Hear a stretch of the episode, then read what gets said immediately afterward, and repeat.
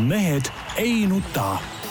selle eest, et mehed ei nutaks, kannab hoolt Unibet, mängijatelt mängijatele. tere teisipäeva, nagu ikka, Mehed ei nuta eetris. Tarmo Paju Delfist. tervist! Peep Pahv Delfist ja Eesti Päevalehest. tervist!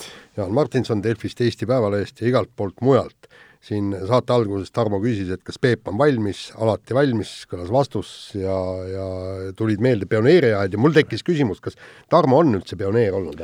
mul oli võimalus äh, olla pioneer üks suvi ainult, kusjuures, et see oli jaa, see oli selline omapärane olukord, kus äh, oktoobrilaps olin ma kõik kohustuslikud aastad ära ja siis äh, suvel pioneerilaagris, enne seda sügist, kus ma oleks pidanud pioneeriks saama, sain ma justkui olla ka siis pioneer aga mitte ametlikult ilmselt. see oli kuidagi sa ei pidanud olema pioneer. jaa, ikka see oli kuidagi mingi pioneeri, nagu mind nagu võeti juba pioneerina, mingid harjutused olid nagu pioneer ja nimetati pioneeriks, aga sügisel kooli minnes lõppes see pioneerindus ikkagi ära, nii et ametlikult justkui tegelikult ei ole. aga kaelarätti said ikka kaelarätti oskad sõlmida? seal selles pioneerilaagris jah, see kogemus on olemas, mitte et ma mäletaks sellest eriti midagi sellest pioneeri osast, see oli muidu äge pioneerilaager. ma ei tea, kas praegu saaks selle sõlmega veel hakkama, et seal pidi jääma ju see ja niisuguse riba siit läbi. isegi sina ei ei, ma praegu hakkasin mõtlema, kas ma veel suudaks seda teha. aga ilmselt saaks ikka. no võib-olla natuke proovida, ma arvan jah, siis tuleks nagu välja. nii, tühja neist pioneerindustest, äh, Peep, sa ütlesid niimoodi, sa räägid selle äh, saate täis ka ilma spordita. ja meie võime jah. sa mingit, võtsid mingit meelelahutust kaasa? ei, ei, me hakkame kohe talle ei, mis sa, Jaan, sa sekundeerid mulle, siis sa olid ju jumala, jumala minuga ühte meelt, et no ütlesid, kõigepealt tervitame muidugi seda meie äh, Äh, mitte meie, vaid alustame nagu rahvusvaheliselt nagu, nagu äh, tasemelt, tervitame siis äh, kliimatüdrukut, kes praegult purjepaadiga seilab kuskile Tšiili suunas, aga kuigi tegelikult peaks sõitma hoopis vist Hispaaniasse või kus see, kus see tegelikult toimub. vot see on, vot see on asjalik elukorraldus, tähendab, et et teha enda elu niimoodi raskeks, sõita mingite purjepaatide ja ja, ja värkidega ja siis jõuad veel valesse kohta ka. et noh Äh, no lollus kuubis, ma ütlen. Noh. Peep, kuule, me eile, eile peatusime sellel teemal ja rääkisime, kuulge, kui, kui mina oleks koolipoisina saanud reedese päeva vabaks selleks, et minna karjuma sinna mingi kliima pärast. esimene vend, kes, kes läinud oleks ja ma oleks ka seal purjepaadil olnud, et jumalast äge selt-, seiklus ja, ja koolis ei pea käima. noh, ütleme, see tšikk võiks ägedam olla, aga mis asi? mis asja? on ägedam? No no. selles mõttes ägedam. Jaani maitse järgi rohkem. jah, just no, täpselt, temaga no, koos minna purjetama. mis kommentaar? no mis mõttes, mis kommentaar? ei noh, kuule, kui sa oled mingi kuue-seitsmeteist aastane, loomulikult sa tahad, et see oleks ikka kuum tots nagu seal purjepadis põlve peal, eks ole, tead noh, mis on sinu meelest nagu kuum tots, no see on, see Jaani, Jaani eh, arutelu oli, oli igati, igati õige. no läks jah asjalikuks kätte tõesti. nii, aga no mis, mis teine asi muidugi nad eh, tänasest eh, Postimehest said nagu kõik lugeda siis nagu, nagu finaali sellest äh, Mary Krossi ütleme nagu, nagu valest ja, ja, ja, ja ja, ja täielikust idiootsusest, mis siis päädis mingi segastel asjaoludel veel, veel kohtuasja lõpetamisega ka ilma sisulise karistuseta, et noh, no, no, no, no kurat küll, no kust tulevad niisugused eh, nii räiged valed või niisugused väljamõeldised, kuhu, kuidas inimese pähe satuvad, ma saan aru, et et kui see oli mõeldud nagu mingi infooperatsiooniga EKRE vastu, siis, siis ütleme, Eesti esiluuraja abikaasana ta peaks nagu teadma, et, et kuidas neid asju teha, et mitte vahele jääda, aga no see oli ikka nii, nii labaselt nagu, nagu tehtud. nojah, võtad telefon kaasa ja vaata, kus sa auto jätad ja kõik niisugused äh, õige kurjategija oskab ju arvestada ikkagi selliste nüanssidega. ja, ja, ja mis oli kogu selle asja mõte, inimene mängis lolli, tähendab, ütleme niimoodi, et, et meie uurimisorganid tegid ikkagi selle uurimise kallal tööd ja kõike, lõpuks tühja tööd on ju, pandi riigi raha magama ja, ja mitte midagi, no mingisugune kolm tuhat eurot äh, pidi trahvi maksma. siis sekkus süvariik, eks ole, ja otsustati, et ahaa, et äh, ei, ei, no ta on ikkagi esiluuraja proua ja, ja reformistide proua, et no ütleme, süvariik ongi ikka Reformierakonna teema rohkem. et, et ei, ei, siin mingit, mingit asja ei tule, lõpetame selle äh, avaliku huvi äh, puudumise tõttu ära ja noh, noh, noh täielik sigadus. kuidas see avalik huvi puudus? tegelikult oli avalik huvi oh, oli küll ja veel, absoluutselt et nii on, isegi Tarmo no,, isegi, mina Tarmo pean tunnistama ja no mitte isegi, selles ja. mõttes, et äh, ma ei, ma ei ruttaks siin kohe mingit süvariigist rääkima, aga ah, ah. aga selles otsuses, äh, selles lahendis olin ma ausalt öeldes küll pettunud, et ja nendest põhjendustest ka sealjuures, et justkui ei ole avaliku elu tegelane, mis see, see ei puutu nagu üldse asjasse antud juhul, puutub asjasse see, et alustades sellest, et see külvas ühiskonnas noh, tegelikult väga palju vaenu ja noh, nagu vallandas nagu mõlemalt poolt erinevaid reaktsioone, mida tegelikult ei tahaks nagu näha, kuni selleni välja, et raiskas siis nii-öelda uurijate aega ja andis tegelikult ka valeütlusi, mäletate, kas või üks legendaarsemaid maailma kohtu case'e on ju tegelikult saanud või hakanud hargnema läbi selle, et inimene andis äh, uurijatele või tegelikult kohtus vist ikkagi pigem andis valeütlusi, aga noh, seal ter-, tervikuna ei tohiks nagu vahet olla et, äh, et, et seetõttu see põhjendus minu arust on nagu äärmiselt veider.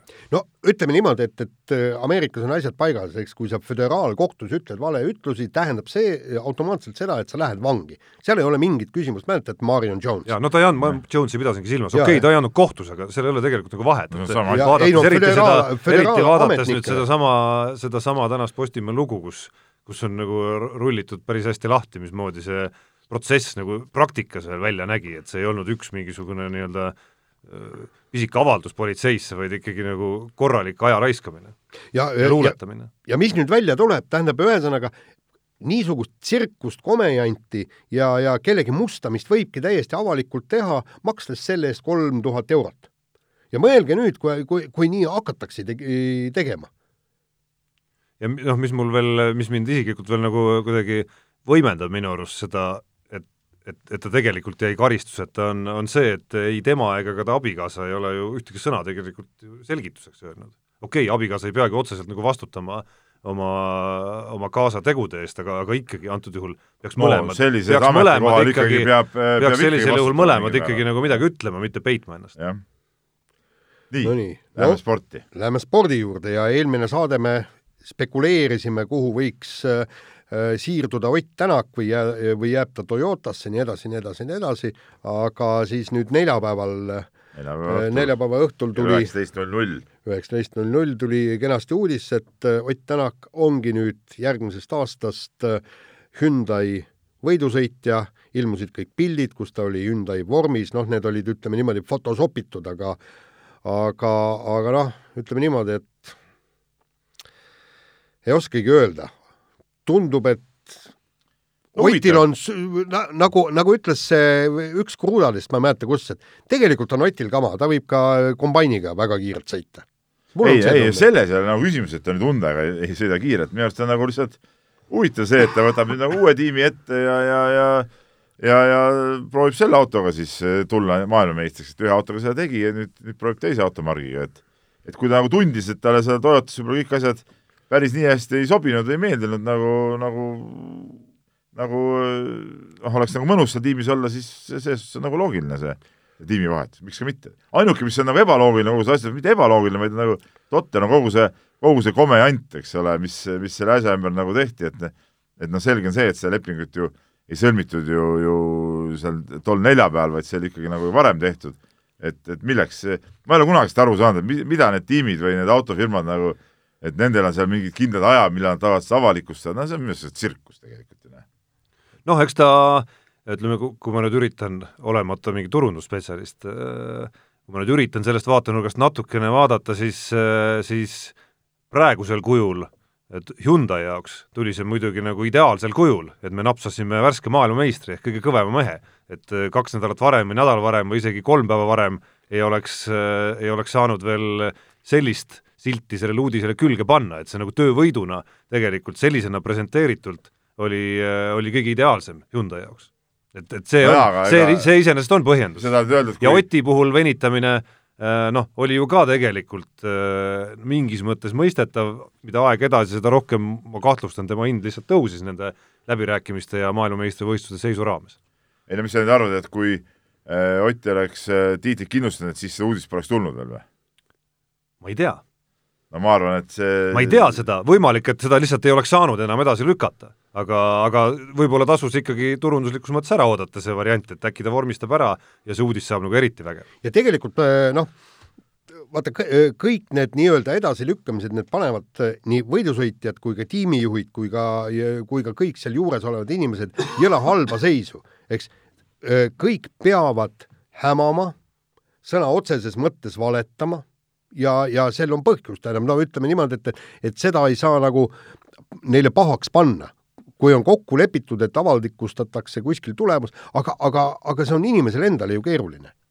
Ja, ja, ja, ja ka tiimi nii, nii Adamoole, noh, tema paneb muidugi huumoriga kõiki neid asju ja tema, ega tema ei ütle kunagi, et ei, ei, me ei ole midagi niisugust teinud, ta paneb mingisugust noh, niisugust no tema Soosti. viimane kommentaar siiski, kui te mäletate, oli, et, et meil ei ole raha ehk siis noh, sisuliselt ta ikkagi ajas ikka, ta ütles, et meil ei ole raha Tänaku jaoks, tooge, me, tooge meile tehke korjandus, tooge ja, raha, oli viimane kommentaar, kui, kui sa olid Kataloonia. jaa, aga ta, ta, ta ei öelnud ükski kord välja, et ei, me ei ole sõlminud temaga lepingut no mis on, mis on ei, aga vahepeal oli küll, et me oleme nagu sellest mängust väljas, olid mingid oli, oli, ei no muidugi on, mäng on lõppenud, muidugi me oleme väljas. ta on ikka ajanud, ta on ikka täiega jampsi ajanud ka. ei no jaa, aga noh, ei Adamo, käed eemale Adamost, kõige ägedam vend. aga huvit-, huvitavam osa kogu selle, nende, noh, me saame kuudes rääkida sellest.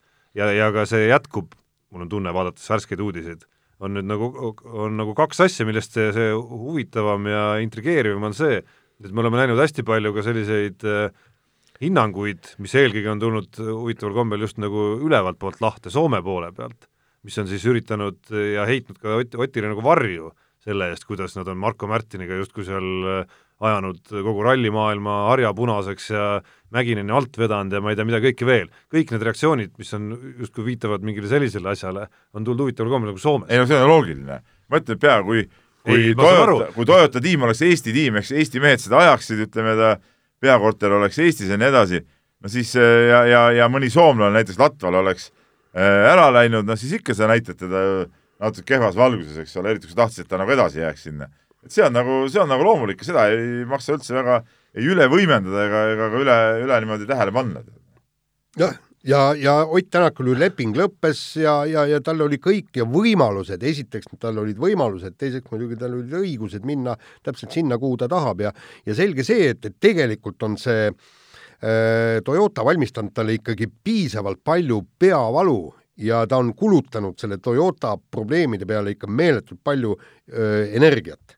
Ja, ja, ja kõik need läbi, läbielamised ja, ja kõik muu ja, ja keegi kuskil kommentaaris öö, väga tabavalt kirjutas, et ega me tegelikult ei teagi lõpuni välja, mis seal veel väikseid pisiprobleeme öö, oli, kus, kus Tänak pidi noh, nii-öelda poolvigase autoga hakkama saama.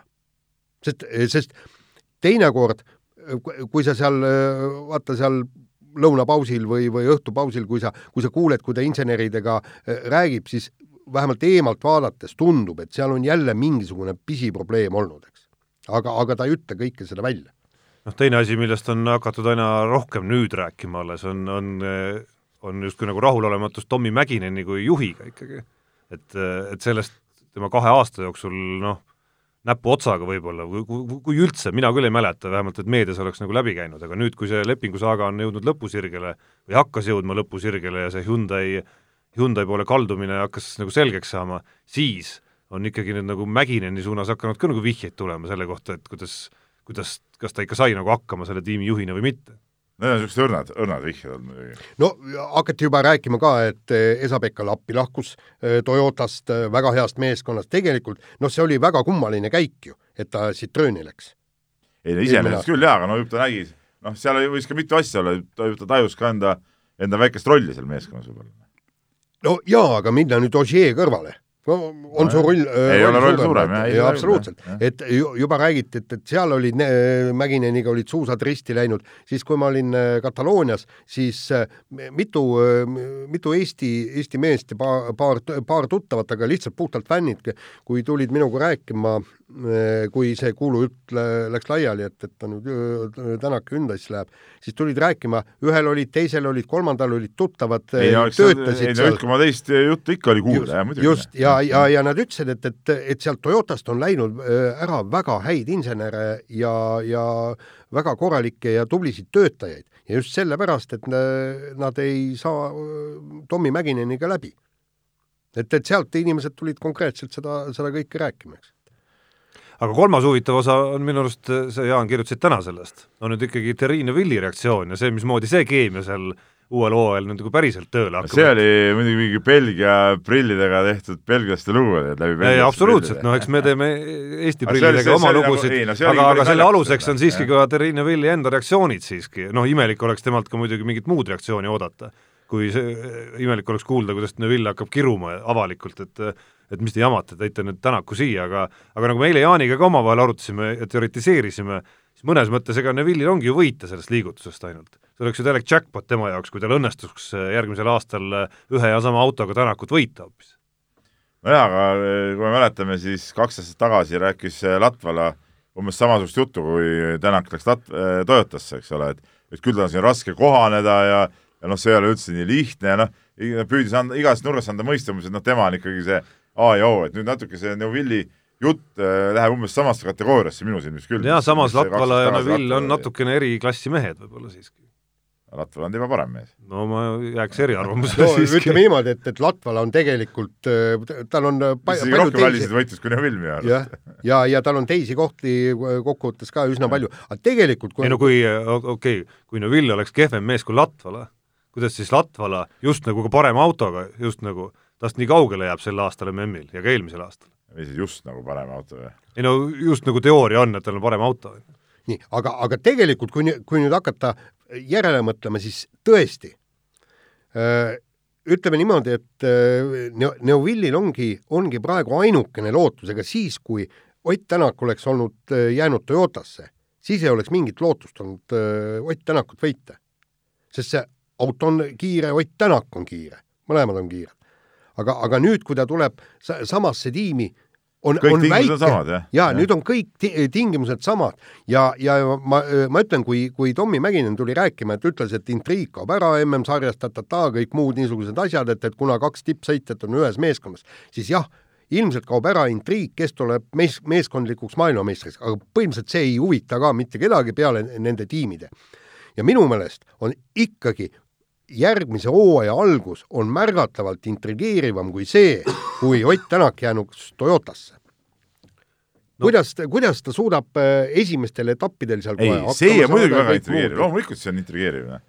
aga noh, samas mõnes mõttes ma olen nagu Mäginiga nõus, et loomulikult oleks huvitavam, kui kui äh, kõik tippsõitjad oleks erinevates tiimides, noh, et selles suhtes see on nagu, see nagu välistaks igasugused need niisugused äh, sisemised mängud ka nagu no jaa, aga seal on äksi, mäletad, me eile ka rääkisime, Senna ja Prost olid vormel üks ühes tiimis, see on, see oli üks põnevamaid hooaegu üldse. mõneti mulle nagu meeldiks ka, kui nad oleks eraldi siis oleks nagu rohkem neid autosid seal tipus ja kõik oleks nagu, nagu, nagu ägedam, aga teisalt jälle muidugi on huvitav vaadata, kuidas nad võrdsete masinate juures üksteisega hakkama saavad, noh, loomulikult on huvitav. no ja, ja üks asi on, kuidas nad äh, saavad nii-öelda kiiruse mõttes hakkama, teine asi on, kuidas nad siis omavahel seal kõik sees hakkama saavad, veel eriti jõulise tiimibossi no sel, selles suhtes on tiimiboss on piisavalt kõva mees, et seal nagu ta ei lase mingit jama tekkida, ma arvan. Noh.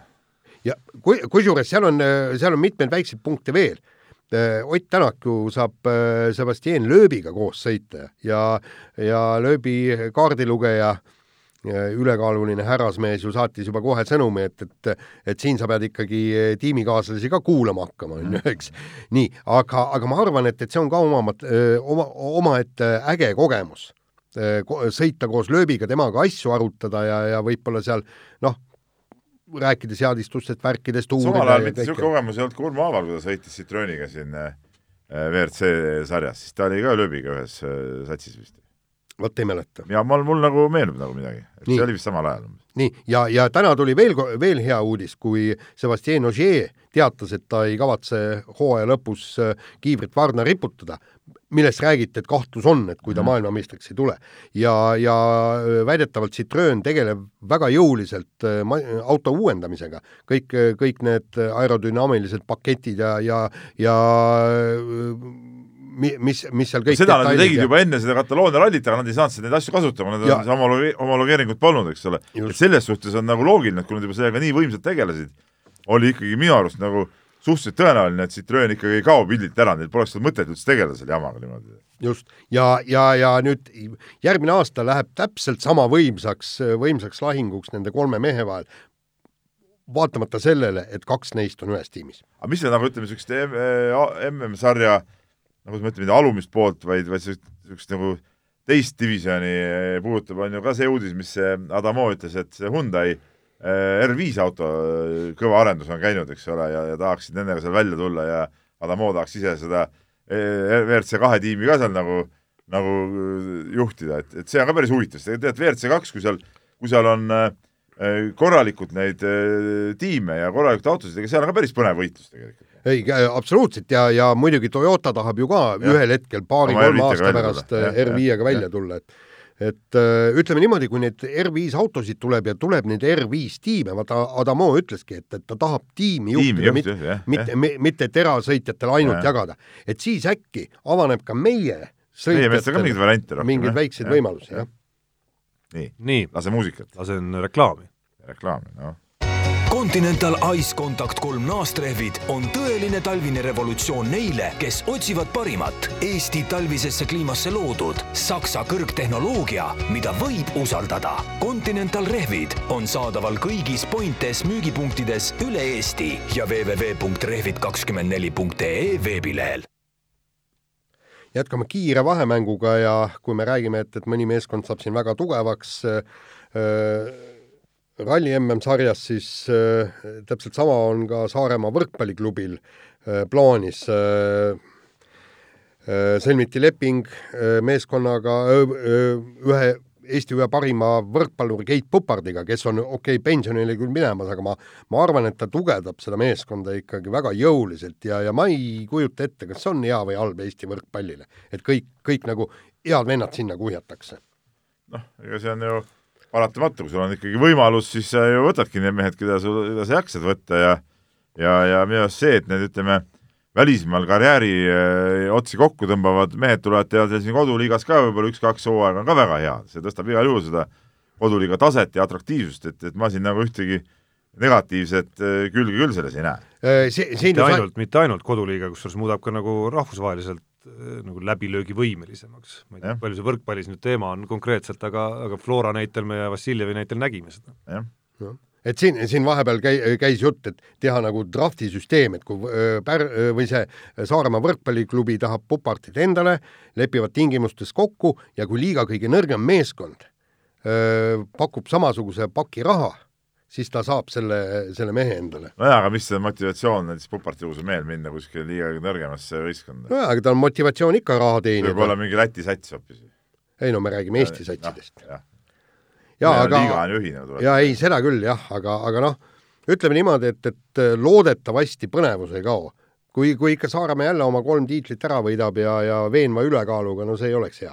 aga nad vist eelmine aasta ei võitnud. ei, eelmine aasta ei võitnud, ja, ja ei no jaa, aga nüüd, nüüd et me ei saa nüüd nii öelda ka, et nad kogu aeg võidavad. noh, meenutame, et Kristjan Kangur on lubanud või vähemalt kuskilt äh, nagu õhus kõlanud mitu korda see võimalus, et äkki karjääri lõpuks teeb ikkagi kodulinnas Pärnus ka ühe hooaja vähemalt. Need olid need ajad, kui äh, Rait Käbin oli seal peatreener, olid need jutud, et käisid, et ma ei tea, kas need jutud enam kehtivad.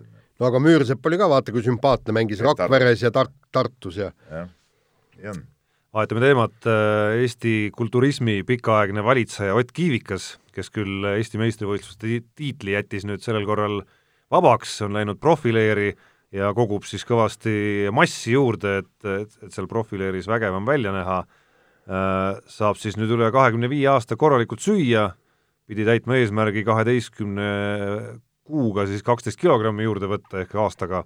Ja ma sain aru, et täitis ka selle eesmärgi aastaga kaksteist kilo juurde võtta ei ole mingi probleem tegelikult. Noh. minu arust ka see nagu, see nagu ei eelda küll mingit kangelast, kui võtta aastaga kaksteist kilo alla, et see on kangelast. okei okay,, eks ta natuke vist peab võib-olla sinust rohkem vaatama, et mille arvelt see kaksteist kilo tuleb. jaa, aga teine asi on nüüd see, et, et see kaksteist kilo rasva tuleb nüüd muuta äh, lihasteks, aga, aga tont sellega, see, see on, see on ikka räme töö, mis nad seal äh, kangisaalis teevad ja, ja jõusaalides, aga aga see, ta, Peep, sa, sina oled dieeti pidanud, ma olen näinud.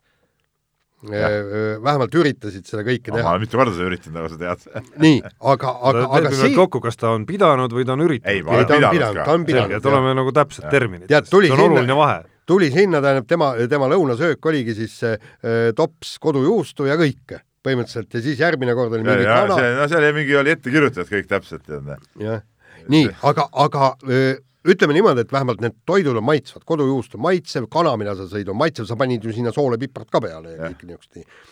aga need kulturistid, seitse kuud aastast, nad söövad ju täielikku noh, munavalget ajavad näost sisse. no põhimõtteliselt eh, ma Ott Kivikaga paar aastat tagasi tegin intervjuu ja küsisin, et kuidas on, ta ütles, et nüüd on eh, nii-öelda need eh, toidud läinud maitsva, maitsvamaks, et nüüd talub ära, eks, aga nõukaajal oli tõesti, nad söövad täiesti ilma soolata riisi ilma soolata ja kastmeteta salatit, siis mingid kanatükid, kus ka soolaterakestki ei ole ja seitse kuud niimoodi. aga nüüd vend saab aasta aega lahmida endale sisse seapraadi, jätist. oh pagan nii on, aga ma ei tea, mida peab endale sisse lahmima Maicel Uibo. igatahes teda ootavad ees eh, tõsised aastad ja ajad, eh, kuna abikaasa Jaunet Miller Uibo on siis ütelnud välja, et tulevikus soovib saada vähemalt viis last, nii et no viie lapse tegemine, see on, see on tõsine töö ja nende laste üleskasvatamine muidugi veel tõsisem töö kuidas hakkama saada? ja no esimene küsimus on, millal alustada? et see, see, sellest sõltub ka selle ülesande kergus, ma pakun, et kas äkki, äkki kas Chanet mingi... kavatseb ikkagi nagu äh, nii-öelda teha pika karjääri ja siis, siis Michael lühikese ajaga peab selle kõik töö ära tegema või või ikkagi tulevad pausid sisse juba karjääri? ühed kolmikud, ühed kaksikud on kahe korraga tehtud. jaa, noh, täpselt, aga, aga proovi sa neid saada, on ju. õigest nurgast peab minema ja, ja, ja ongi olemas nii lihtne see asi on, aga no. tegelikult, tegelikult ongi no noh, ütleme niimoodi päris karm, kui naine paneb sulle niisugune eesmärgi ette, viis last olgu olla. ja see on seadus. ja, ja no kuule, noh, kodus, kui naine ütleb, siis siis nii on, nii on jah ja., täpselt, sest lõppkokkuvõttes, kui sina neid kohustusi ei täida. siis no, siis... täidab keegi, täidab keegi teine, eks ole. absoluutselt, ega need kohustused ega lapsed saamata ei jää. jaa, täpselt. kusjuures mingi õhtu, just oli see laupäeva või pühapäeva õhtu, näitas järjest vist nii Siin me oleme kui Mehed ei nuta filme ETV või ETV kahe pealt, ma enam ei mäleta. see oli äh,, jah, ma nägin üks õhtu, jah. siis äh, seal Siin me oleme, seal ja, samamoodi, Timmule pandi ju samamoodi ikkagi ja. nagu nii-öelda töö, tööleht pandi ju ette ikkagi seal. Ka ehmatas ära. et ma ei tea, kas Chanet on ka äkki, äkki Eesti filmiklassikat ta ongi praegu Eestis, eks ta vaatas seal ära selle, ahah, Eestis käivad asjad niimoodi ja kohe ütleski ära. kuule, aga tegelikult on küsimus seal oli, seal oli veel, mäletad, et naine peab ju, mis ta oli, ära toitma mehe ja mitu last. jah see oli ka terve klassikaline tsitaat oli seal, eks ta võttis, võttis ikkagi tõsiselt seda. aga muide te,, teine küsimus on see, no siin ei ole mingit kahtlust, kui, kui kahe tippsportlase geenid kokku panna, siis, siis ma usun, et nendel lastel on eeldusi teha ka tipptasemel sporti. aga mis, millise riigi eest nad hakkavad võistlema? vot see on küsimus. no, no tähendab, kodakondsus, siin ei ole mingit küsimust. kodakondsus käib isa järgi, isa on perepea, perekonnanimi käib isa järgi laste nimed käivad isa järgi, kodakondsus käib isa järgi, siin ei ole mingit vaidlust. nii et Maicel, kui teil tekib vähegi mingisuguseid eh, noh, nagu arutelusid, probleeme, sul Ütle. tekib seal koduses, ütleme, vaidluses, kipud argumentidega võib-olla jänni jääma, siis, siis, siis isegi, isegi hoolimata sellest, kui te peaksite tulevikus Bahamale näiteks püsivamalt jääma, no kas või kliima mõttes, siis Peep aitab. no Bahama kliima on Eestiga võrreldes ikka vilets, see on nagu selge. ja talv ei ole, lund ei ole aasta aegasid selliseid ja pole, kevadet ei ole. seda mõnusat novembrit ei ole, mis meil praegu aga on. mis see novembri viga on siis? ei, ma ütlesin mõnusat no, no. mitte midagi pole viga. ma ütlesingi mõnusat. no natuke varem võiks muidugi, tähendab, natuke hiljem võiks pimedaks minna, aga muud midagi küll häda ei ole. jah, ja tegelikult ongi, tähendab, täna hommikul astud toast välja, vaatad pluss viis kraadi väljas, võib-olla isegi pluss kuus. mõnus tuuleil, eks ole ka. jaa, täpselt, no tuul on jah nii, vihma sulle kaela ei aja, ei saja, alt mingit soppa sulle autod ei pritsi ja jumalast, kohe on päev niisugune rõõmus, on ju? jah, nii vähe ongi vaja. absoluutselt.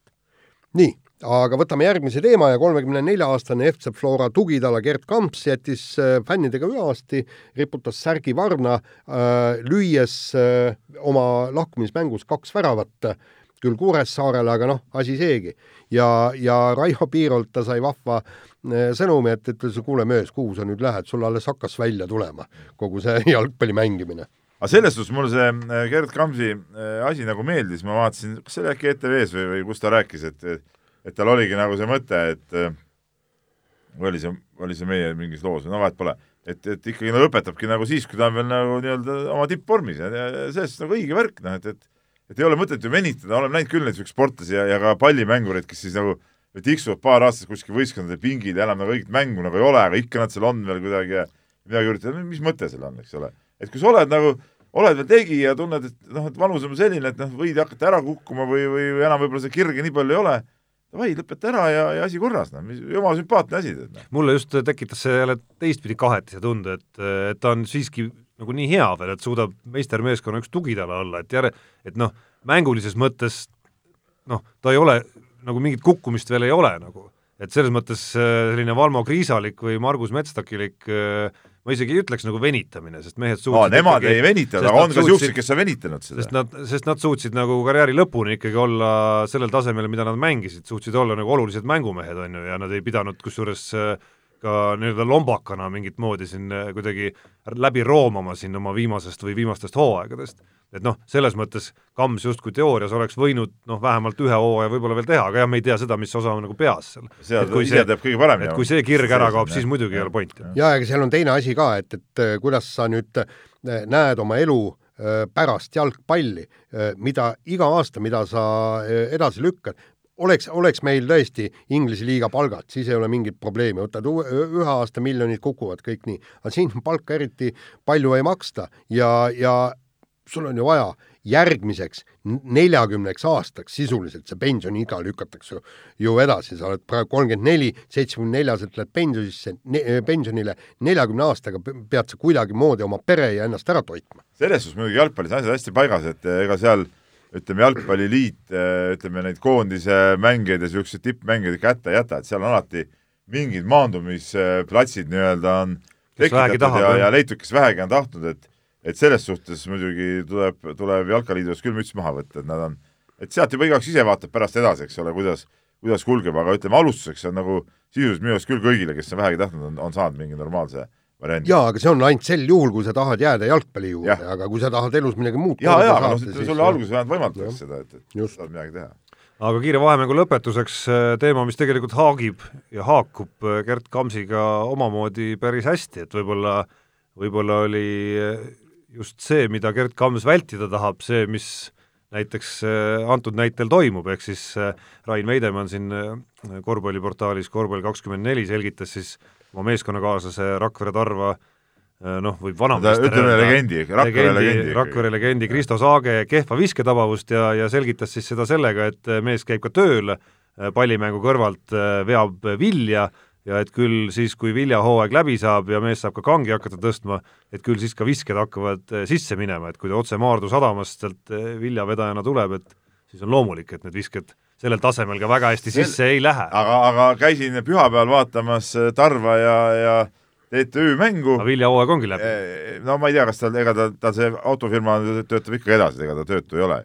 et eh, ja seal Saage, viskas küll mõned mööda, aga pani ka mõned väga valusad asjad sisse ja lõpuks seal oli ka, ma ei mäleta, mingi neliteist või seitseteist silma koos, et et tegelikult selles liigas jumala tasemel mees ja, ja tegelikult Rakvere Tarvas on olnud äh, minu arust sel hooajal ikka kõige niisugune suurem üllataja siiamaani selle hooaja stardis oma, oma nende kolme võiduga, mis nad on saanud ja ikkagi sellega nad on mänginud suhteliselt okeilt, arvestades seda, et seal on neid töömehi ju teisigi, et, et just siin sai üks päev räägitud, et kuidas Jaanis Vahter, kes nagu elab sisuliselt Pärnus, töötab Tallinnas, käib Rakveres trennis, Renato Lindmets ka elab äh, vist seal äh, naise kodukandis Märjamaal, eks ole, praegu Tallinnas töötab, Rakveres trennis, ütleme, nad ei käi küll iga päev seal, aga aga noh, ütleme, et selle kõrvalt suudavad teha ja seal on veel teisigi, Mihkel Kurg, põhikooli kehalise õps ja, ja saavad mängitud küll, pole häda midagi ju noh.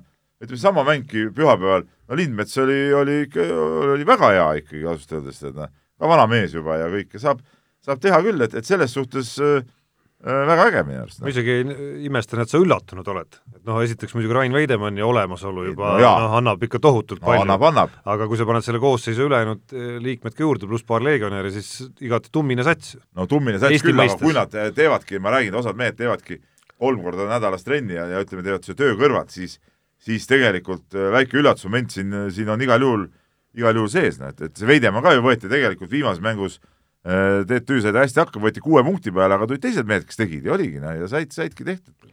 ja kusjuures kõige selle kompoti juures on kus kaotasid see ühe punktiga, no väga kõva mäng oli.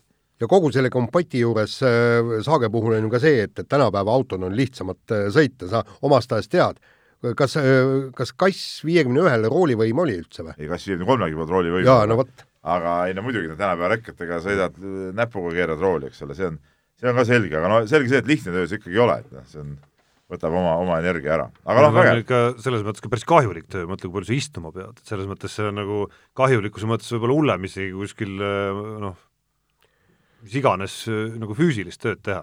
aga noh, saage oma poolpungiliku olekuga mulle alati meeldinud, et niisugune värvikas persoon ikkagi no,. seda ikka teate, miks kõik need veoauto ja, rekkajuhid tulevad autost välja ja taovad jalaga kumme ei tea või? no.. ei, ma olen kuulnud seda jah, aga noh, eks sa ütled Armole ka. Noh, löövad endal äh, need kellad sealt sääre küljest lahti nii. lase muusikat. Unibetis saab tasuta vaadata aastas enam kui viiekümne tuhande mängu otseülekannet. seda isegi mobiilis ja tahvelarvutis. Unibet, mängijatelt mängijatele nii, sina pead ju Unibetist nüüd rääkima. no ma ootasin sinu luba ikkagi. No, vanem okay. inimene peab ikka sõna andma, vaata. no nii, võid rääkida Unibetist. no Peep. null. nulli ring. arve on nullis, ma saan aru. arve on peaaegu nullis, jah. jama lugu, noh, väga jama lugu, noh Peep on, ma saan aru, võtnud hea taktika, et äh, ei panusta, et siis vähemalt jääb see alles, mis tal seal on. vaatab, et õigel see... hetkel, ei no õigel hetkel teen äh, paned kogu raha siis..., kui see, jube hea taktika tegelikult, eks ole. see on nagu, läks kasiinosse punase ja musta peale põhimõtteliselt, äh, kas duubeldan või kas kõik või mitte midagi, eks.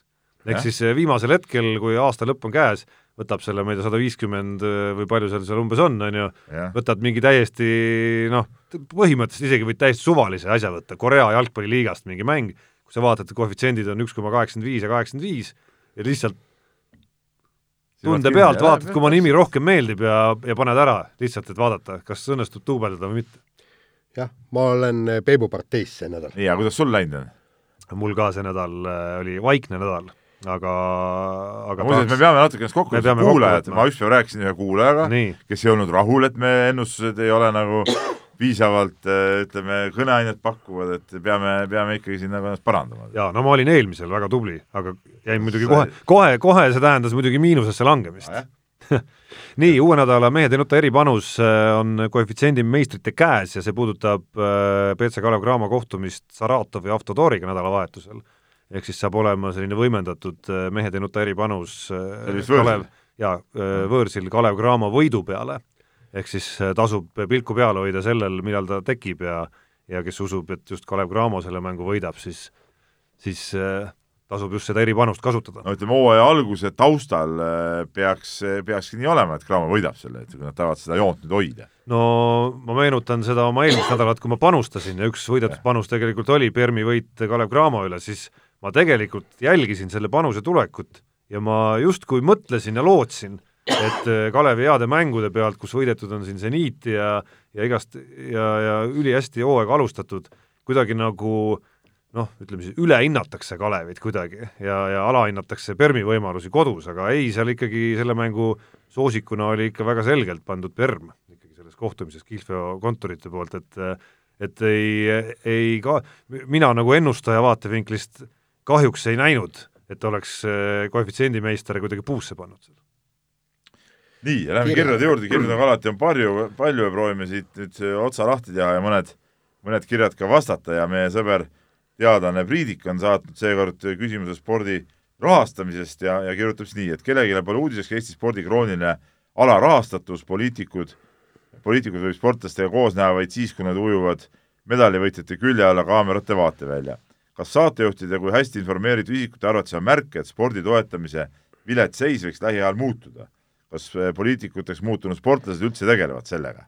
noh, me siin hiljuti ju rääkisime, et, et kolm miljonit äh, tuli nüüd nii-öelda Team Estoniale juurde, ehk siis üks oli ette nähtud, kaks, kaks pandi juurde ja, ja siit-sealt natukene ikkagi tiksub seda, seda raha, aga tegelikult noh, me peaksime ikkagi ühel hetkel nagu äh, see, see maksimum äh, ei ole niivõrd palju, kui me räägime siin teadusrahastusest ja, ja, ja riigikaitsest ja millest veel, eks, et seal me räägime tõesti miljonitest ja kümnetest miljonitest, eks. et tegelikult äh, kui äh, rääkisin EOK rahvaga, võib-olla siin spordiinimestega ka natukene öö, vesteldes, eks, nad ütlesid kümme-üksteist miljonit Tiim Estoniale, ehk siis tuleks juurde panna ainult kolm miljonit, kolm-neli miljonit. Ja siis meil oleks see pakett koos praegusel hetkel. et, et just, et, et, et see kolm miljonit ei ole just eriti palju ja siis me saaksime nii-öelda kõik vajaliku eelarve endale kokku. et, et seda peaks riik nüüd mõtlema, et nad saaksid ühe asja ära tehtud, mis ei jää vinduma. mis aga puudutab küsimuse teist poolt, siis endised tippsportlased poliitikas, siis äh, tegelikult, noh, seda me oleme varem ka natuke rääkinud, et see on olnud suhteliselt pettumust, et, et ega endised tippsportlased poliitikas ei ole spordi heaks väga palju suutnud teha. jaa, aga, aga nad surutakse seal jõuliselt maha ja, ja nad ei saa ikkagi oma suud äh, väga lahti teha. surutakse maha, kui sa oled mees, siis sa ütled ära oma asjad. jah, no üks, no üks asi on öelda oma asjad ära, teine Aa, asi on omada ka, omada ka mõju otsustele. ma ei ole praegu kuulnud, et näiteks, noh, kes me sõber Kristiina Šmigun ja Baruto et nad oleksid need Riigikogu pulti, seal on ju need eh, vabad mikrofonid ka, eks ju, kus nad saavad rääkida omi asju, nad oleks läinud sinna ja hakanud ajama spordiasja, ei ole, ikka mingi, ma ei tea, millega tegeletakse. et seda tahaks küll, küll äh, rohkem näha, nii. üks äh, asi siia vahele veel, et jah, me näeme nüüd äh, kuidagi nagu tippspordi suunas on nüüd mingisugune noh, ma ei tea, linnuke kirja saadud või näpuotsaga natuke juurde puistatud, aga millest ju tegelikult kuidagi vähem räägitakse, on see suurem probleem seal, kogu see treenerite ja noorte treenerite ja ja nende õpetajatega võrdsustamise äh, teema ja see on nagu üldse ära kadunud. see on kuidagi nagu pildilt maas praegu. et, et, et, et, et mu nagu suurem mure mõnes mõttes läheb, on tegelikult sealpool, suures pildis sest see puudutab ka, see ei puuduta enam nagu meie mingite medalivõite, vaid, vaid see puudutab seda, et täita kõiki neid eesmärke, mida siin ka ükskõik milline EOK president, alustades Urmas Sõõrumast, on välja käinud, kuidas, kuidas ja kui palju lapsed peavad sporti tegema Tarmo, ja nii edasi. sul on õigus, aga, aga, aga siin ongi need, need summad on tegelikult noh, ma kujutan ette, et küllaltki suured et selleks, et võrdsustada treener õpetajaga ja õpetajad saavad äh, täiesti normaalset palka, kuigi nad peaks nüüd äh, veelgi, kuna igal pool ümberringi hinnad tõusevad, eks, et, et nad peaksid veelgi rohkem saama, aga, aga see, et, et treenerile ma maksta ühe koormuse eest nii, et ta saaks kuskil tuhat ükssada, tuhat kakssada eurot kätte ja üks koormus on kakskümmend kaks tundi nädalas. palju sa treeningtunde umbes annad, Peep? No treeningtundis loetakse sealt neljakümmend viit minutit, et mul ja. tuleb päevas no, jah, tuleb, päevas tuleb äh, viis-kuus tundi, noh, selle järgi. ise, või nädalas või päevas? ei no päevas, kui nelikümmend viis minutit, ma teen ju, ma teen, ütleme, kui ma teen kaks tundi pluss teen hommikul ka, noh, siis seal tulevadki juurde. ma teen kaks tundi päris kella sisuliselt täiskoormus siis? jaa, sisuliselt täis, täiskoormus. mul on trenn iga päev, noh. jaa, jah sisuliselt täiskoormus ja sellest, jah, ja selle, selle eest sa peaksid ja, ja seal... põhiline on ju see, et tegelikult ju äh, tegelikult kogu selle arvestuse juures ju võistlustel käimise aega ju sinna sisse ei arvestata, mida, mis on täielik no, absurdsus. aga kui mul näiteks on mäng, no ütleme näiteks Tartus on ju, siis mul läheb ju terve päev selle peale ära, kui ma lähen, võtan pühapäeval äh, hommikul poisid peale, sõidan Tartusse, mängin, sõidan tagasi, no see läheb päev ära, aga seda nagu sellesse äh, ütleme, mis on see palgaarvestus ja treeningtundid, seda millegipärast ei arvestata, seda tööaega, no see on ja, nagu kuigi aega läheb veel rohkem. ja, ja, ja põhimõtteliselt, kui sulle maksta õpetajat palka, sa paned natukene juurde, võtad seal väike, väikeste poiste grupi ka, et, et teed nagu oma poolteist koormust, kusjuures võistlusreisid ka panna, siis sa põhimõtteliselt läheksidki ju treeneriks, kui sa, kui sa hakkaksid teenima niisugune umbes a la kaks tuhat eurot äh, kätte aga sinuga just läks hea, ma pean siin sind kanseldama ka no, ikkagi, nii et sa siin unistad sellest. ei, ei, ma ei, ma mitte ei unista. Jaani Kiuste, siin on see ring, inimeste ring on suur, pikk ja lai. ja tead, te, te, tegelikult toimetuseks plaksutajad küll. ei, ma ei mõtle toimetust üldse, ma pidasin üldse nagu hoopis nagu, hoopis laiemat ringi inimesi silmas. spordirahvast. spordirahvast, muud rahvast tead, ei, tegelikult kui ma, kui ma näen, kui, millise kirega see Peep seda tööd teeb ja ma olen kindel, et, et ta tegelikult südamest tahaks ollagi täiskohaga korvpallitreener, et, et siis ma pigem mõtlen seda. nii, aga läheme edasi nüüd, mul vana sõber Margus on kirjutanud meile ja ja mees vaimustus ilmselgelt ja kõigepealt ta vaimustus liiga vara teisipäeval Salgerise lisaajale pääsemisest ja, ja see läks nagu nässu, aga küll aga reedesest imemängust kirjutas, et noh, mehed, on teil sõnu millise võidu sai Žalgiris, siin on äh, viis hüüumärki, puhas treeneri saavutus uskumatust olukorrast. no ütleme nii, et see oli eelmise nädala äh, spordisündmuste muidugi top üks oli minu jaoks see Žalgiris ja reedene, reedene mäng, kus, kus nagu justkui, justkui mitte kusagilt tuldi Fenerbahce vastu välja ja lõpuks võeti, võeti see ülinapp võit ära, et see oli nagu, see oli vinge asi, tead näe.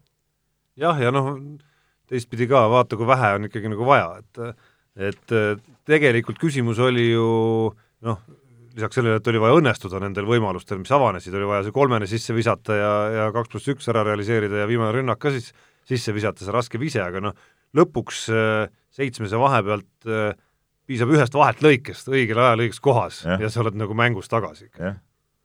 Ja no, ütleme, ütleme niimoodi, et ka mina sain äh, elamuse, kes ma Euroliigat ei vaata, aga klõpsimise peal läksin just, jõudsin sinna kanalile siis, kui visati viimaseid vabaviskeid ja siis, kui see äh, Kalev Kruus seal väga häälekalt nagu Salgerist kiitis ja kõike, siis ma seal õnneks saab ju kerida tagasi, ma läksin tagasi niisugune umbes kümmekond minutit, vaatasin selle lõppu ära, kus Kalev Kruus ütles, nüüd on tehtud, nüüd on tehtud Fenerbahcele äh, mäng või võit juba tema meelest läinud ja kõik, et see oli tõesti, tõesti ääretult vinge. ja isegi järelvaadates oli vinge.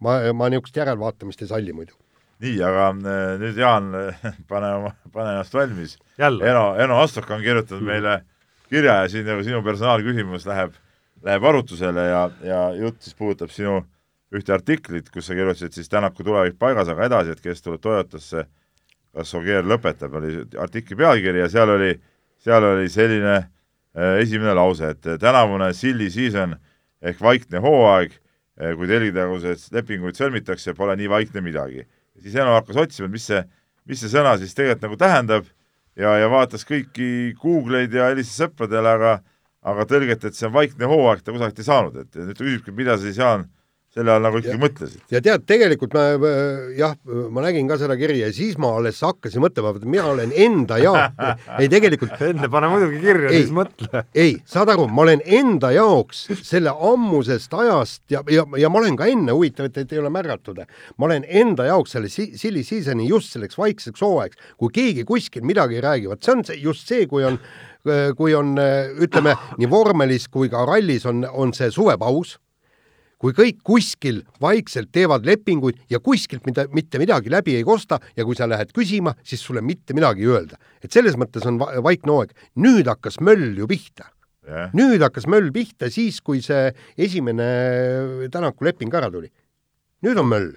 selle vahega võib-olla, et et ütleme, need näited, mida siin Enogi silmas pidas, et nii-öelda hooajavälised perioodid, ehk siis see on see, kus nagu möllu on siis eh, nendel perioodidel, kui me räägime kas või ma ei tea, Inglise jalkast või USA ükskõik millisest eh, su-, neljast suurest võistkonnaalast ja sellest liigast, siis seal nagu vaikusest on asi muidugi väga kaugel.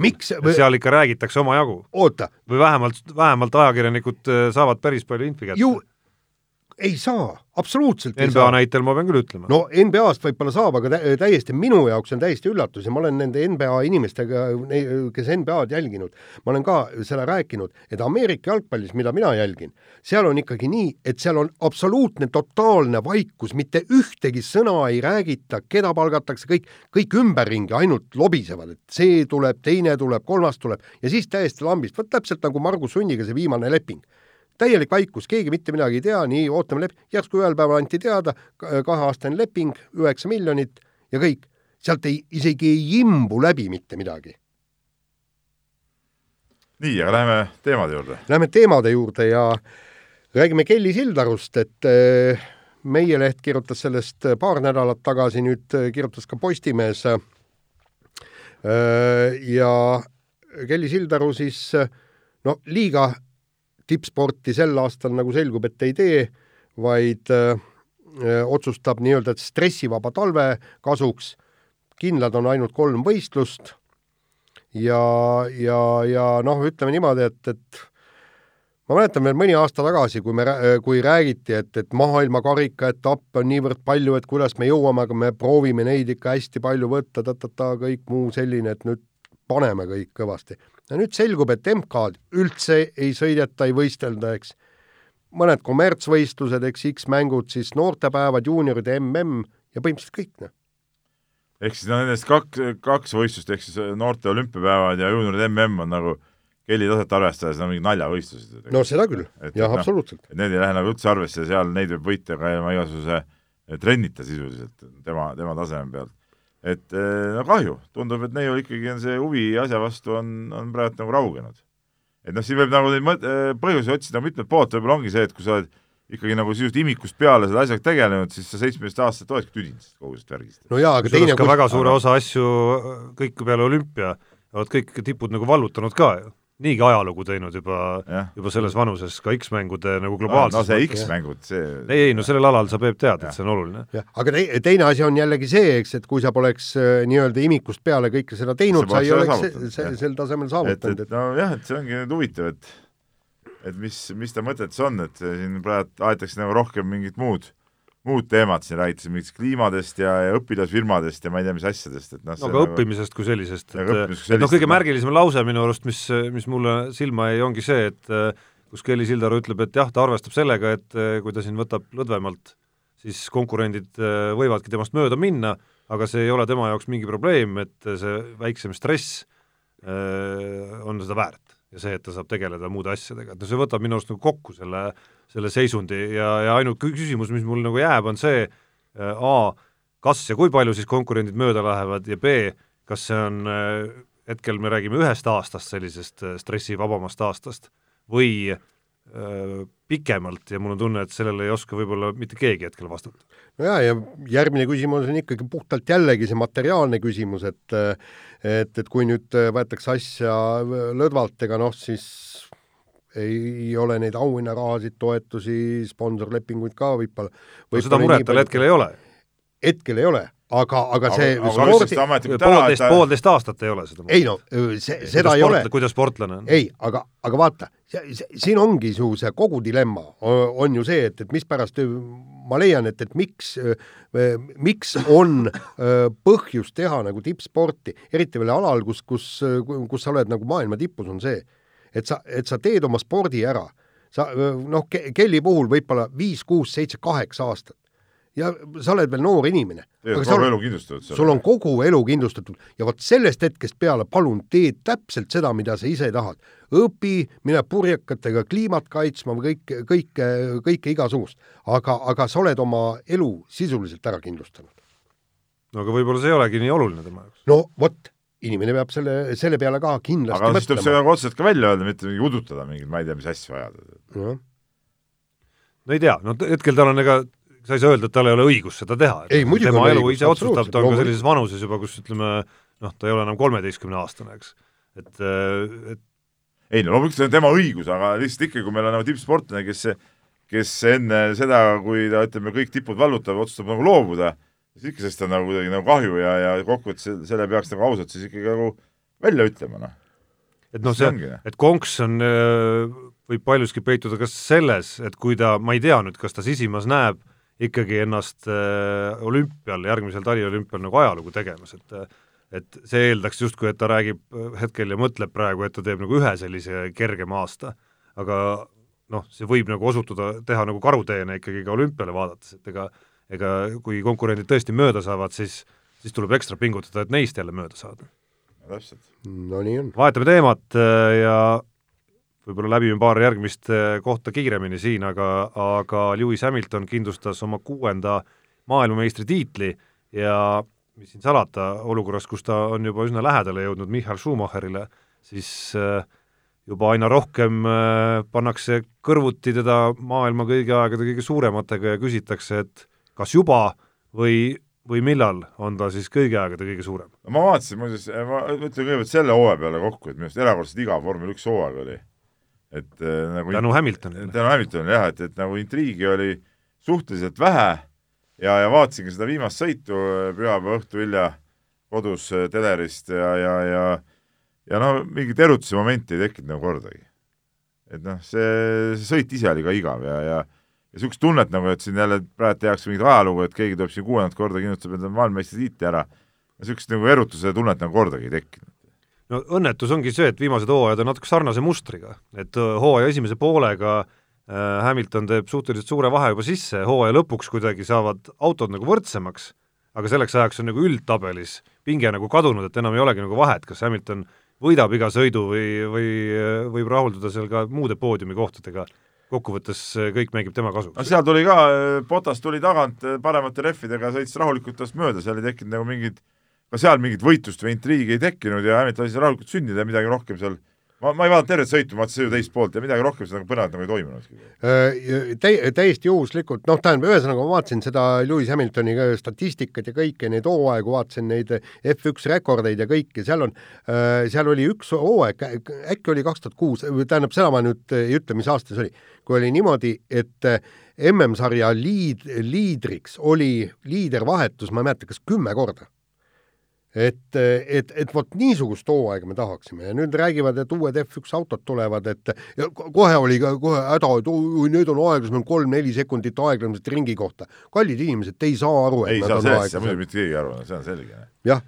silmaga no. sa ei taju seda aga noh, see kõik, mida te räägite siin, ei ole ju etteheide Lewis Hamiltonile. ei, ei, ei, pigem, seda me räägime, pigem on võtsime kokku nii-öelda vormeli hooaja praegu. see pigem on nagu tõestus selle kohta, kui kõva Lewis Hamilton ja kui ma natuke BBC-st lugesin siin enne saadet nii-öelda nagu noh, pooleldi justkui nagu tema hooaja kokkuvõtteid, siis seal pigem, okei okay,, see on Briti meedia seal, aga seal pigem nagu ülistatakse ikkagi Lewis Hamiltoni ja öeldakse, et see võis olla isegi tema kõige muljetavaldavam hooaeg üldse. Ja rõhutatakse seda, mismoodi mees on, on ikkagi arenenud selles mõttes, kuidas ta suudab käituda sõitudes, mis ei lähe justkui nagu tema tahtmise järgi, Äh, meil on siin vastupidiseid näiteid Vettelist viimastest aastatest, kus mees hakkab tõmblema kohe ja on äh, lõpetanud äh, kuskil seinas ja, ja kus iganes veel, on ju, mingit tohutu rapsimise ja asjade peale, ja, ja teine pool, mida hästi palju kiidetakse, on, on see töö, mida mees teeb, ütleme siis nii enesearengu kallal, aga, aga teistpidi ka seal nagu masinate ja tehnikaarendus poole kallal. et, et kui nii edasi läheb, siis võib-olla varsti räägimegi temast kui kõigi aegade kõige kõvemast. ja üks asi muidugi tema puhul ei lähe mitte kohe peale.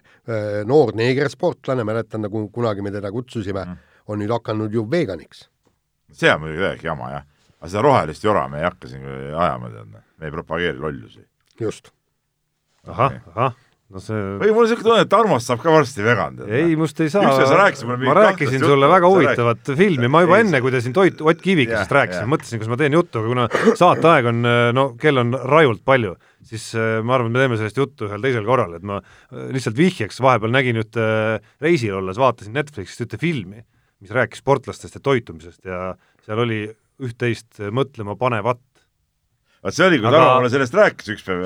aga ma olen päevadega püstijala vestlus ja see mul juba siia see kahtlus mitte, et see, mitte, et see, mitte, et see kuidagi oleks praktikas mind mõjutanud, kui ma vaatan oma viimase, ütleme, reisijärgset toidusedelit ei tea midagi, sa oled euronoor, sa oled selline pehme muutuja, nagu öeldakse. kusjuures ma mäletan, Peep, et kui ma sulle seda rääkisin, siis sa muidugi, siin sa etendad praegu sellist nagu noh, sellist nagu anti-Greta Thunbergi, on ju, aga aga, aga siis, kui, siis kui me omavahel rääkisime, siis sa olid selline nagu leebem ikkagi, rääkisid ka ikkagi, et eks peab, peab ikka vaatama tõesti natukene sinna mõtlema ja ei, ei, ma rääkisin seda, et, et võib-olla tõepoolest võib-olla sealiha kui sellist, eks ole. hakkab tulema, hakkab tulema. aga liha, kuule nalja teete. ei mis sealiha, jumalast hea. ei, sealiha võib-olla võiks natuke vähem süüa. no vot, vot, vot, vot, vot. et siin oli see mingi nüüd saab Jaan ka šoki praegu. ei, see oli tohtrite soovitus, eks ole. jah, aga ei muidu ei ole küll nagu midagi. aga räägime Kuule, meil, meil on kaks minutit tu-, täis räägime vehklemisest. jah, tunnist, räägime vehklemisest.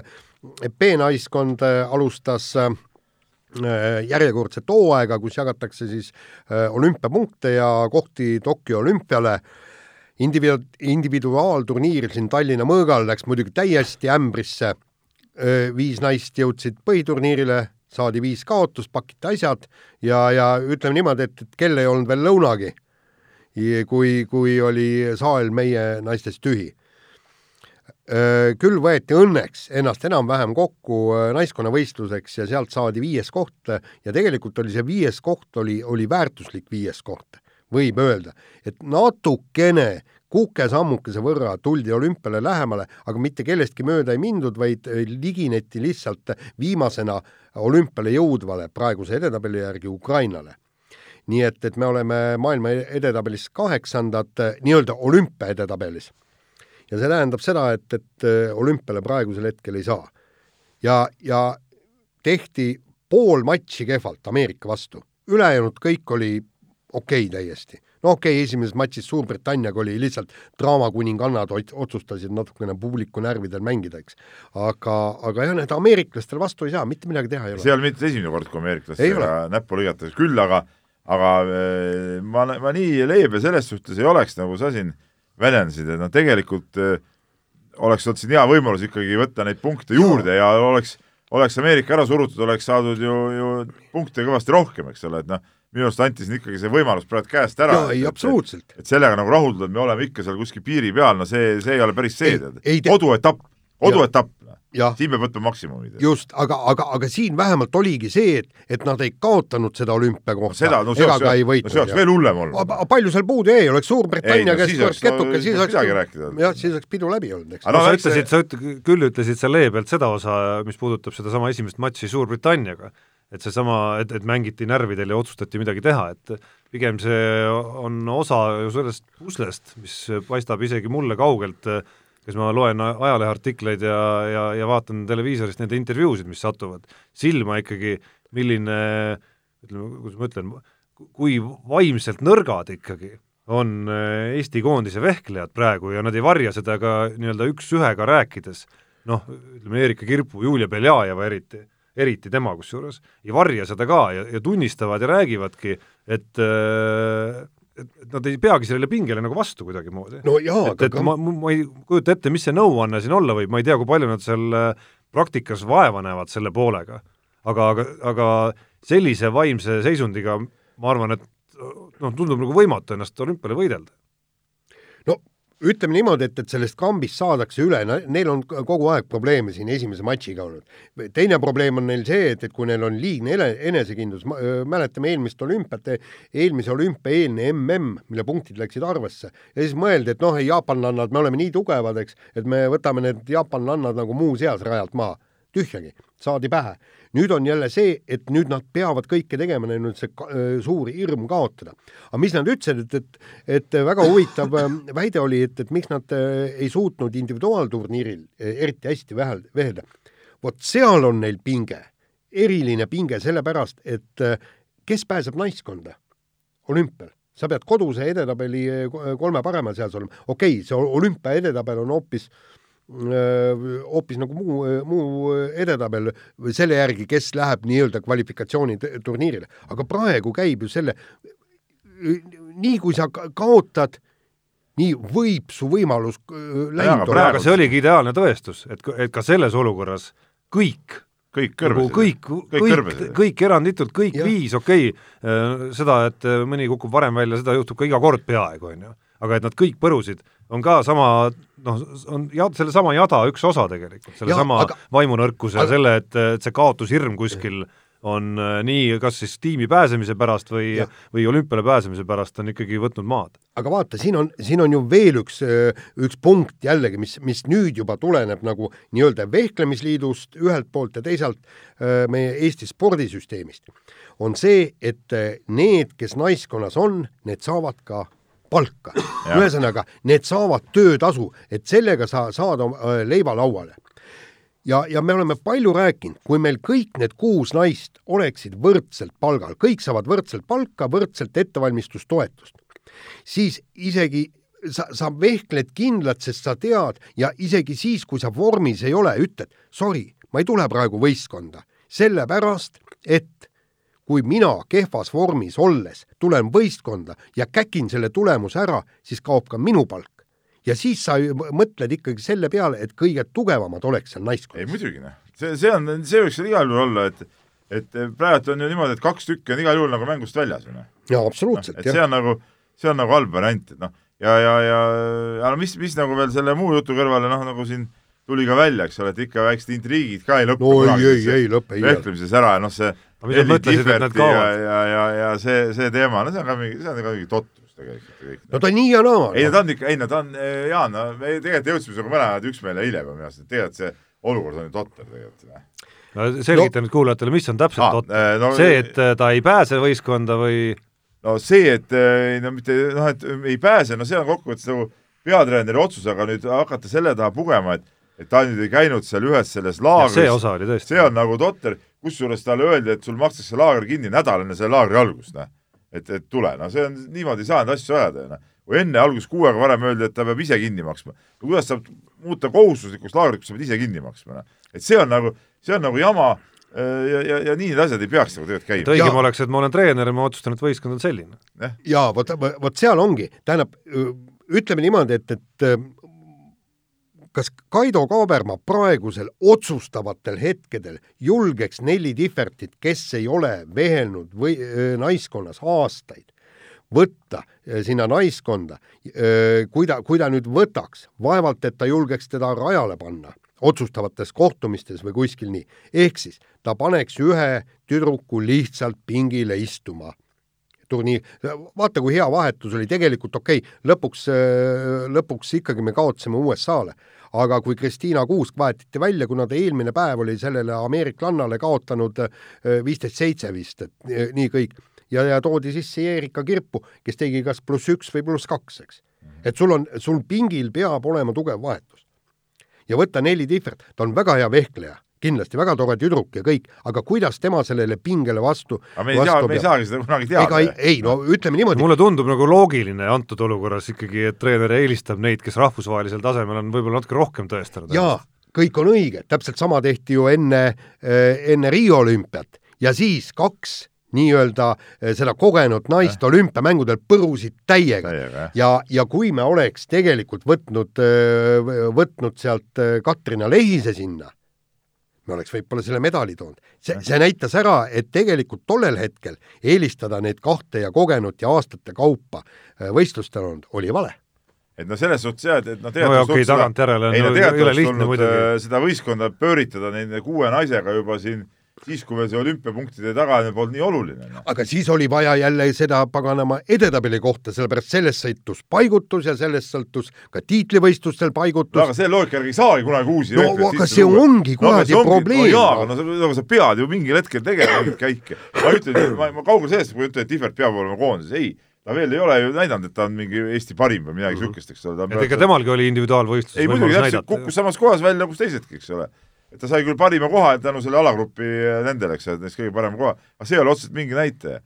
küll aga ma leian, et kui näiteks nüüd järgmised MK-etapid on, kus, kus ta näiteks, ma ei tea, noh, oled, teoritiseerime, jõuab, ma ei tea, kaheksa hulka või, või no veel kõrgemale, siis nagu teda välja jätakse imelik jälle natukene. eelistada kedagi, kes kes võib-olla kuuekümne nelja hulkagi ei pääse. ma arvan, et see muudakski pilti. jaa, aga, aga vaata seal, seal noh, seal läheb juba kuigi see võistkonna psühholoogia on teine asi, ma saan aru sellest. just, ja, ja seal on ka äh, igasugused taktikad ja kõik, näiteks seal on tõesti nagu, nagu paljud naised, et tal on ebamugav vastane, ta teab, sellepärast et nad on ju kõik aastaid ja aastaid veh, ve, vehelnud, eks. ja, ja, ja nad näiteks teavad, nad on selle Popescuga tänu, nad võitsid seda Rumeeniat, see oli väga vinge matš ja see, võit, eks Popescu nende liider. Nad on kõik selle Popescuga kordi ja kordi, kordi ve-, ve-, vehelnud, nad teavad, kuidas Popescu vastu vehelda. ja nüüd Nelli Tihvert, tema on võib-olla üks-kaks korda kohtunud, eks, aga tal ei ole sellist kogemust, kuidas selle vastu võtta, ma, ma räägin, et, et see on nii jah, ütleme niimoodi, et pärast olümpiat kindlasti tuleb Nelli Tihvert naiskonda kaasata, kas enne olümpiat seda otsustagu asjatundjad, meie, mina siin suud lahti ei tee. jaa, aga, aga, aga kindlasti ei ole kriteeriumiks see mingisugune, mingisugune totakas reegel sellest, sellest laagrist, kus tal jäi käimata no. see ei saa olla kriteerium. see ei saa olla kriteerium. no vähemalt olukorras, kus laagri, laagris osalemise nüansid on sellised, nagu need antud juhul olid. nii, nii, kõvasti läks üle. aga sellega on saade läbi ja üldiselt kuulake mind nädala pärast. mehed ei nuta saate tõi sinuni Unibet, mängijatelt mängijatele